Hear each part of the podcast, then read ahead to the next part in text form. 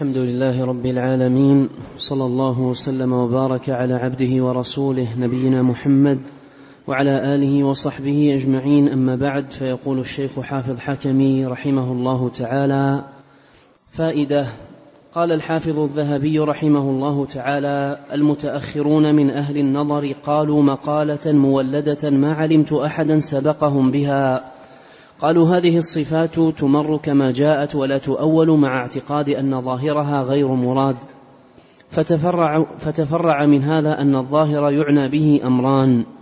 أحدهما أنه لا تأويل لها غير دلالة الخطاب كما قال السلف الصالح الاستواء معلوم وكما قال سفيان وغيره قراءتها تفسيرها يعني أنها بينة واضحة في اللغة لا يبتغى بها مضايق التأويل والتحريف. وهذا هو مذهب السلف مع اتفاقهم أيضا أنها لا تشبه صفات البشر بوجه إذ الباري لا مثل له لا في ذاته ولا في صفاته. الثاني أن ظاهرها هو الذي يتشكل في الخيال من الصفة كما يتشكل في الذهن من وصف البشر فهذا غير مراد فإن الله تعالى فرد صمد ليس له نظير وإن تعددت صفاته فإنها حق ولكن ما لها مثل ولا نظير.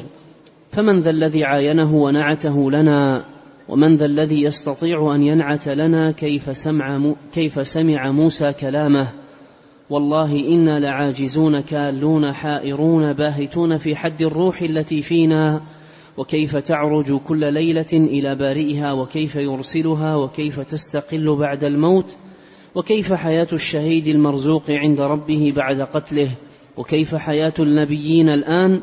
وكيف شاهد النبي صلى الله عليه وسلم أخاه موسى يصلي في قبره قائما ثم رآه في السماء السادسة وحاوره وأشار إليه بمراجعة ربه وأشار إليه بمراجعة رب العالمين وطلب التخفيف منه على أمته.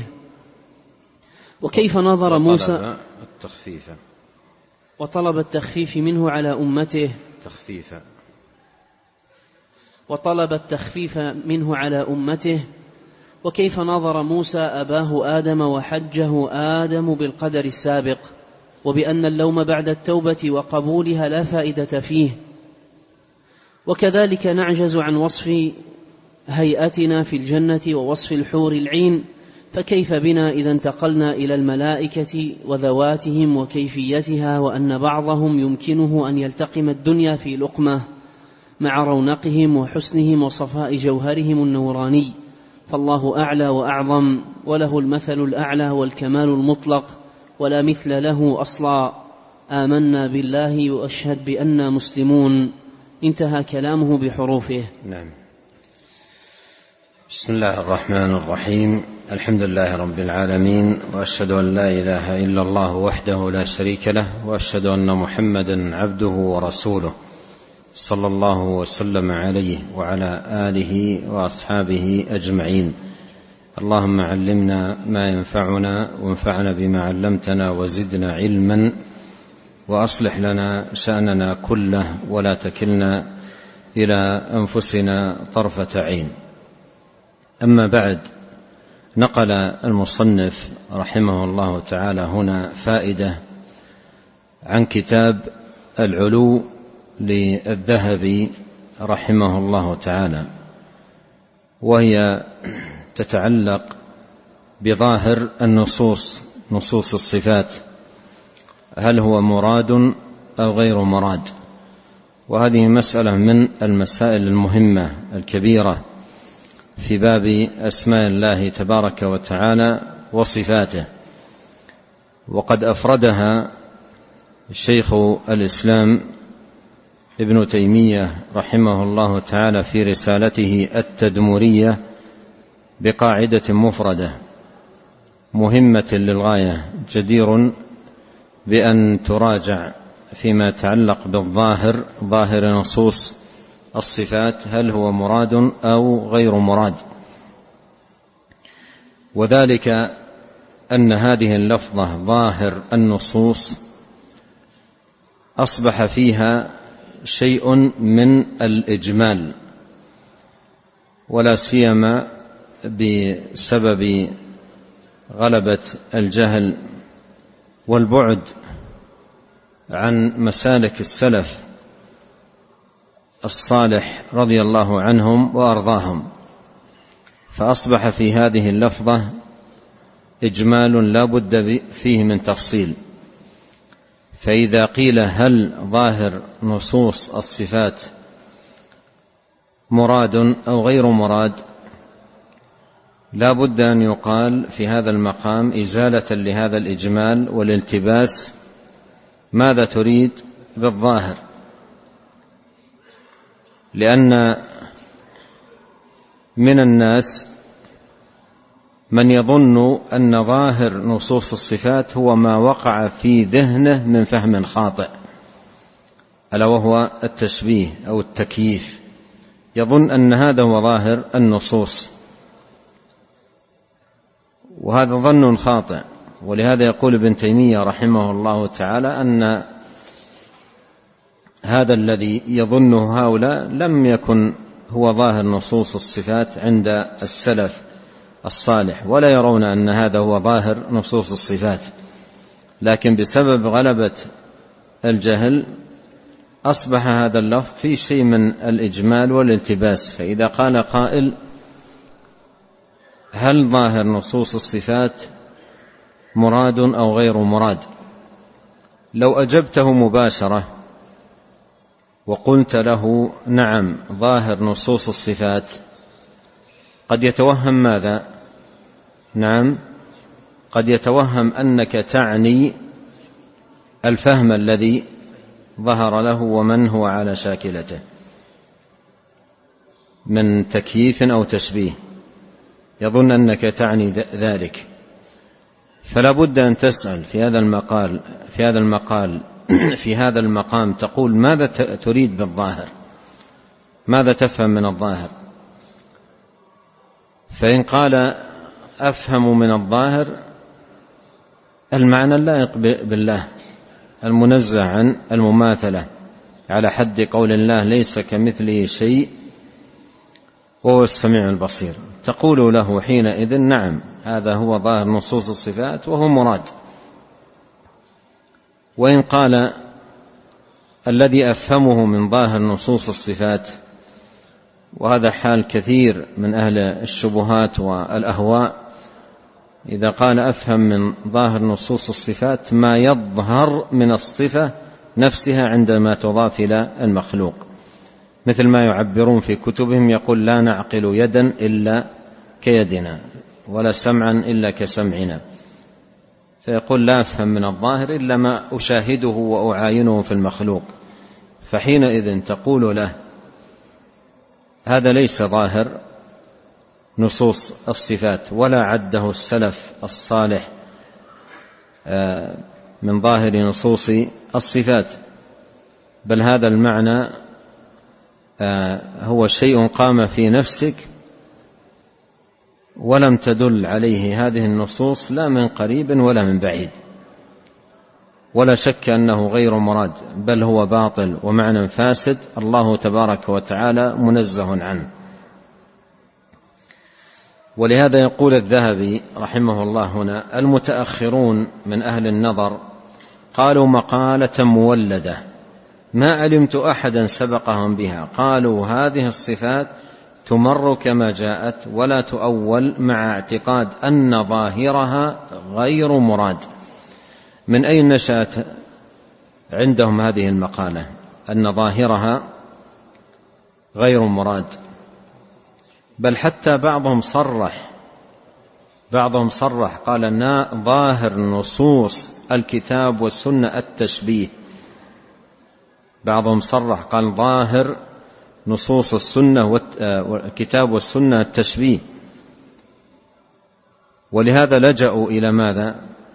إلى هذه المقالة أن ظاهر النصوص غير مراد لأنهم فهموا أن ظاهر النصوص هو ماذا؟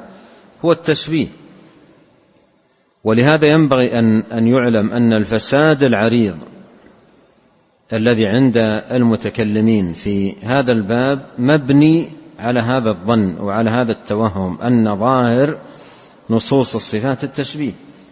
ولهذا لجأوا إلى التأويل فرارا من هذا التشبيه الذي عدوه هم أو اعتبروه هم ظاهر نصوص الصفات في الكتاب والسنة. قال فتفرع من هذا أن الظاهر يعنى به أمران. أحدهما أنه لا تأويل له غير دلالة الخطاب كما قال السلف الصالح الاستواء معلوم وكما قال سفيان وغيره قراءتها تفسيرها يعني أنها بينة واضحة في اللغة لا يبتغى بها مضايق التأويل والتحريف.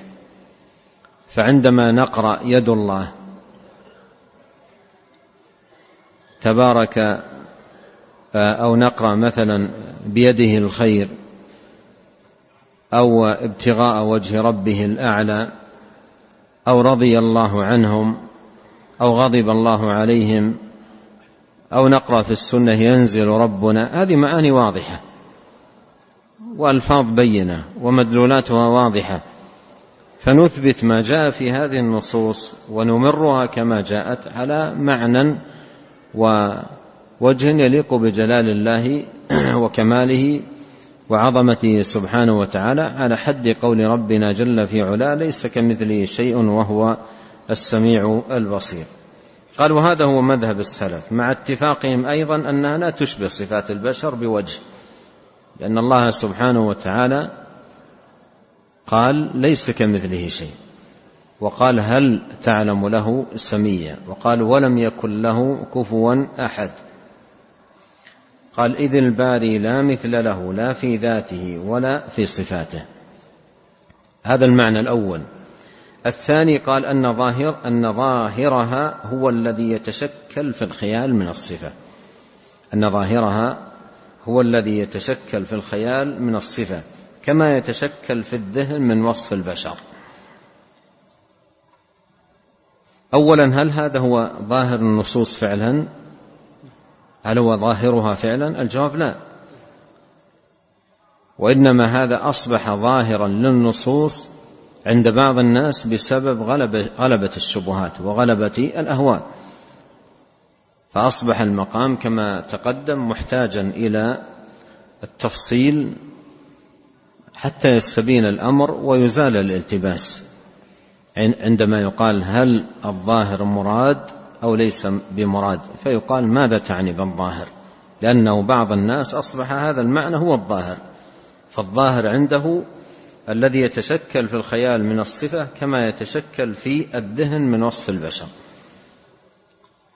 قال فهذا غير مراد فهذا غير مراد ولا يكفي هذا أن يقال فقط هذا غير مراد بل أيضا يضاف إليه ماذا؟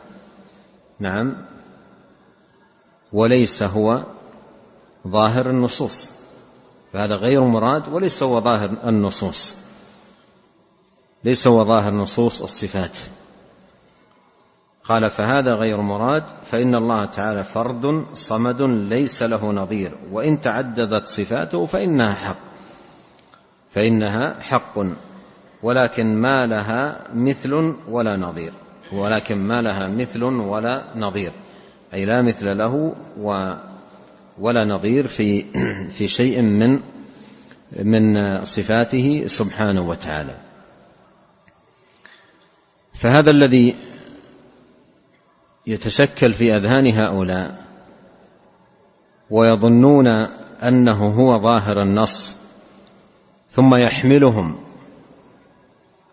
ذلك الظن وذلك التوهم على تحريف النص وتأويله وحمله على غير ظاهره لاعتقادهم ان الظاهر غير مراد بناء على ما فهموه هم من الظاهر. فيلجئهم ذلك إلى حمله على على غير ظاهره بناء على التكييف الذي أو التقدير الذي آه، وقع في أذهانهم وعقولهم. ولهذا قال الذهبي رحمه الله فمن ذا الذي عاينه ونعته لنا؟ وهذا تنبيه على مسألة مهمة تتعلق بالكيفية. نحن علمنا بالصفات هو علم بها وبمعانيها وفي ضوء الكتاب والسنة. أما كيفيتها فمجهولة. الكيف مجهول الكيف غير معقول. لأن الله سبحانه وتعالى أخبرنا بصفاته ولم يخبرنا بكيفيتها. فنثبت ما أخبرنا به ونقف عن ما لم يخبرنا به ونكف عن الخوض فيه. وفي هذا المقام يقول العلماء إن كيفية صفة أي شيء كان لا سبيل لها لا سبيل إلى العلم بها إلا من إحدى طرق ثلاث. كيفية صفة أي شيء كان لا سبيل إلى العلم بها إلا من إحدى طرق ثلاث. إما أن تراه فبرؤيته تعرف كيفيته أو ترى مثيلا له أو ترى مثيلا له مطابقا فتعرف ما فتعرف كيفيته برؤيتك لمثيله أو أن يأتيك بذكر خبر الكيفية خبر صادق. هذه طرق ثلاثة. فالله سبحانه وتعالى بالنسبة غيب لنا لم نره. ولا مثل له سبحانه وتعالى. والنصوص ليس فيها إلا الإخبار عن الصفات وليس فيها إخبار عن كيفيتها. ولهذا لا سبيل إلى العلم بالكيفية. وكل ما يقع في الأذهان من معاني يقدرها الناس يظنون أن هي كيفية الصفة فالرب جل وعلا أعظم من ذلك وأكبر. أعظم من أن يبلغ كنها صفاته الواصفون. مهما قدروا في أذهانهم من الجلال والكمال والعظمة الله سبحانه وتعالى أعظم من ذلك جل في علاه. ولهذا الذهبي قال من ذا الذي عاينه؟ من ذا الذي عاينه ونعته لنا؟ يعني هذا الطريق غير موجود أصلا. هذا الطريق غير موجود. وزاد ذلك توضيحا قال من ذا الذي يستطيع أن ينعت لنا كيف سمع موسى كلامه؟ كيف سمع موسى كلامه؟ ثم فصل في أمور كثيرة تتعلق بكيفيات كثير من المخلوقات. لا, لا يعرفها الإنسان. لا يعرفها. فصل في كيفية كثير. فإذا كان عاجزا عن إدراك كيفية كثير من المخلوقات فلا أن يكون عاجزا عن معرفة كيفية خالقها من باب أولى وأحرى. ولهذا عبارة الذهبي هذه فمن ذا الذي عاينه ونعته لنا وما بعدها من توضيح لنا من توضيح لها لا أرى فيها أي إشكال. لا أرى فيها أي إشكال. بل, بل هي واضحة في آه، إبطال ما عليه هؤلاء لأنه لأنهم خاضوا في طريق آه، السبيل إلى الوصول إليه أو إلى معرفته مغلق. لا مجال فيه. نعم. هذه أمثلة ذكرها رحمه الله تعالى عديدة. ذكرها الذهبي فيما يتعلق بكيفيات كثير من صفات المخلوقات. انتهى بما يتعلق بصفات الملائكة أو كن أو كيفيات صفات الملائكة. قال فكيف آه، بنا إذا انتقلنا إلى الملائكة. ولهذا يذكر في ذكر الذهبي نفسه رحمه الله في سير أعلام النبلاء أن عبد الرحمن بن مهدي لقي غلاما خاض في التكييف. فقال يا غلام دعنا ننظر في كيفية بعض المخلوقات. فإن قدرنا على معرفة كيفيتها انتقلنا إلى النظر في كيفية خالقها. ولئن عجزنا عن إدراك كيفيتها فلا أن نكون في إدراك كيفية من خلقها أعجز. فذكر له مثال الملائكة. قال أخبرني عن ملك من الملائكة. خلقه له ستمائة جناح وقد سد الأفق. أخبرني عن كيفية هذا الملك. ففتح الغلام فاه ولم يتكلم. قال لا أنا أهون عليك. أخبرني عن ملك من الملائكة له ثلاث أجنحة. ثلاث أجنحة. ركب الجناح الثالث. أين يكون؟ كيف يطير؟ فقال الغلام انتهيت. عرف إذا كان يعجز عن إدراك كيفية مخلوق من مخلوقات الله. فكيف تتطلع نفسه إلى أن تكون عالمة بكيفية من خلقها؟ فهي أعجز. ولهذا دائما أقول في هذا المقام من أعظم ما يقطع عن النفس الخوض في التكييف أن يقول العبد الله أكبر. هذه الكلمة التي هي إحدى كلمات أربع هي أحب الكلام إلى الله سبحانه وتعالى. الله أكبر جل وعلا.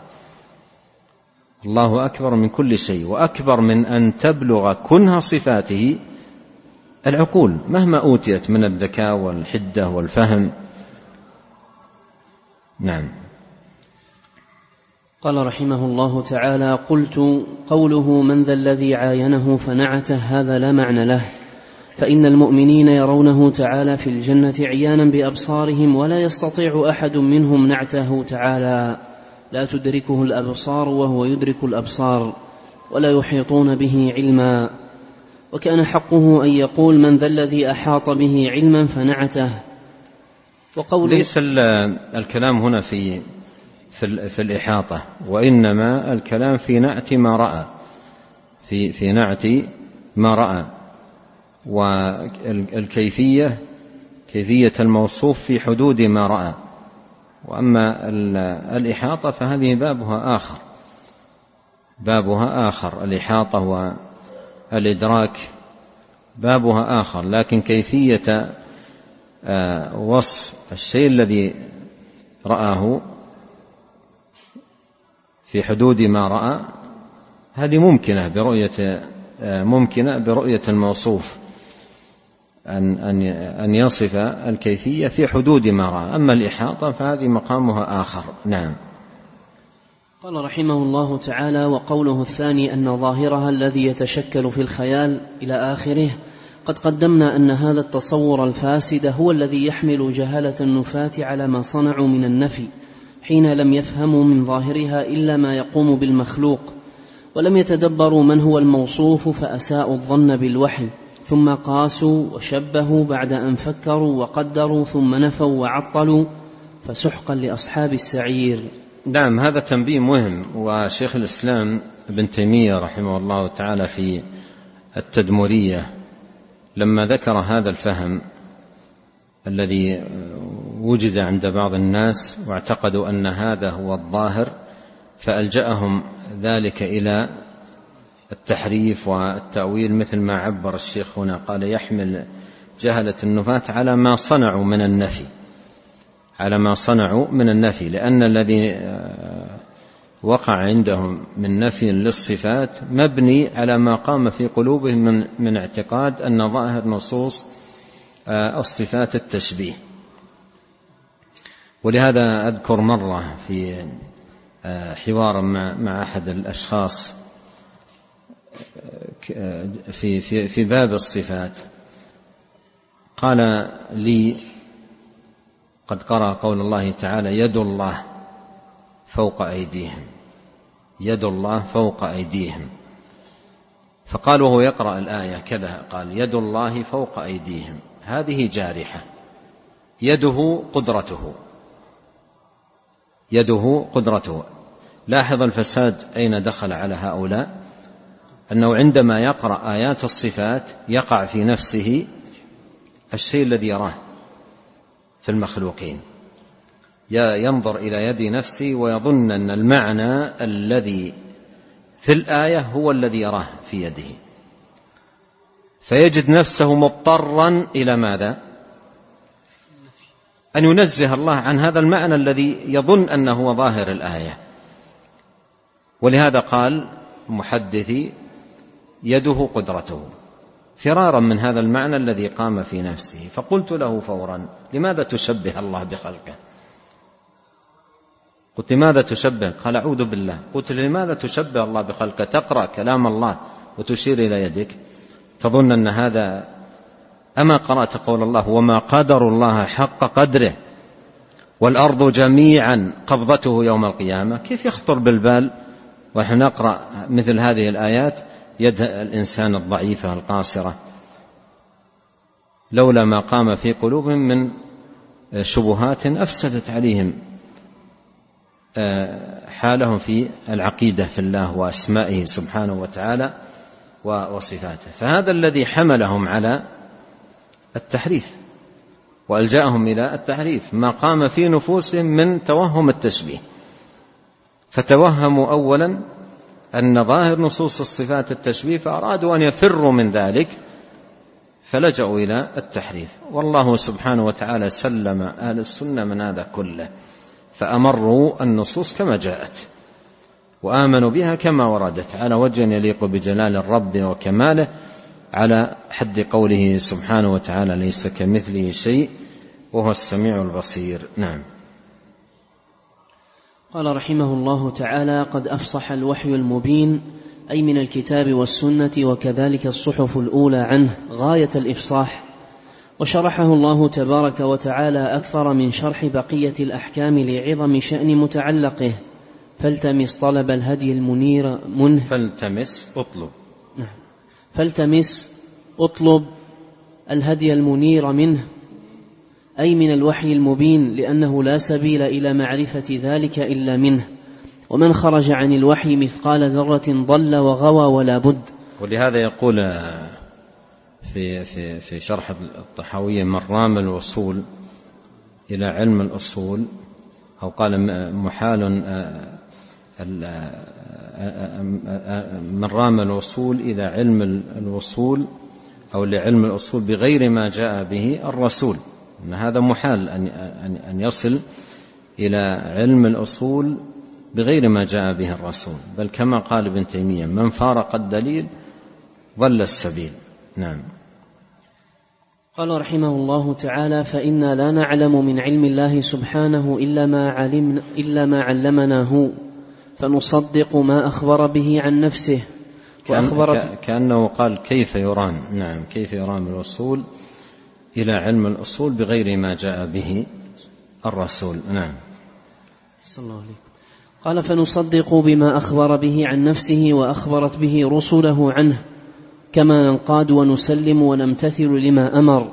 ونجتنب ما نهى عنه وزجر بل إن تأويل الأمر والنهي أخف جرما من تأويل معاني الربوبية والأسماء والصفات والتكذيب بالبعث والنشور والوعد والوعيد دون التكذيب بما أخبر الله به عن نفسه من الأسماء الحسنى والصفات العلى وأخبرت عنه به رسله من ذلك مع أن جرم كل منهما عظيم. نعم كل جرم منهما عظيم. لكن الجرم الذي يتعلق بالرب سبحانه وتعالى في أسمائه وصفاته أعظم لأن الإيمان بالله هو أصل أصول الإيمان.